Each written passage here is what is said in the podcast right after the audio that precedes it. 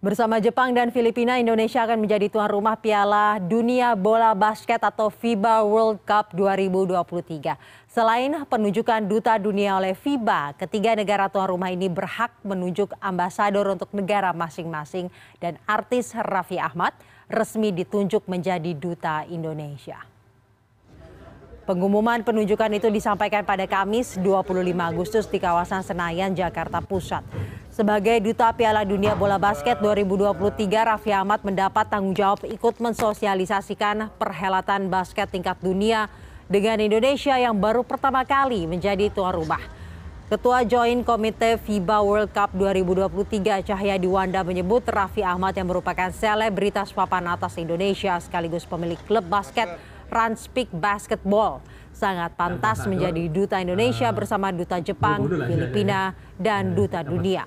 Sementara itu Raffi Ahmad merasa tersanjung mendapat kehormatan sebagai duta Indonesia. Ia mengajak masyarakat untuk ikut memberikan apresiasi kepada bintang-bintang basket dunia yang datang ke Indonesia.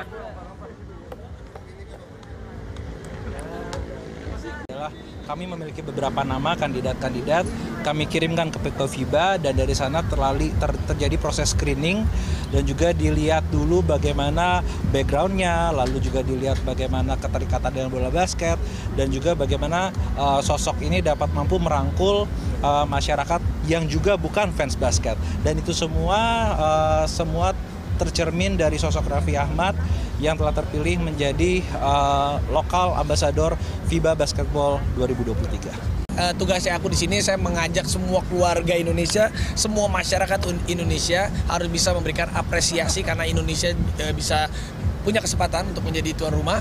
Dan saat saat mereka datang ke sini juga mereka bisa happy, mereka juga bisa merasa mereka dihargai juga. Dan kapan lagi kita bisa melihat bintang-bintang dunia basketball datang ke sini bukan hanya sekedar hai tapi mereka benar-benar main, benar-benar kompetisi level dunia ada di Indonesia.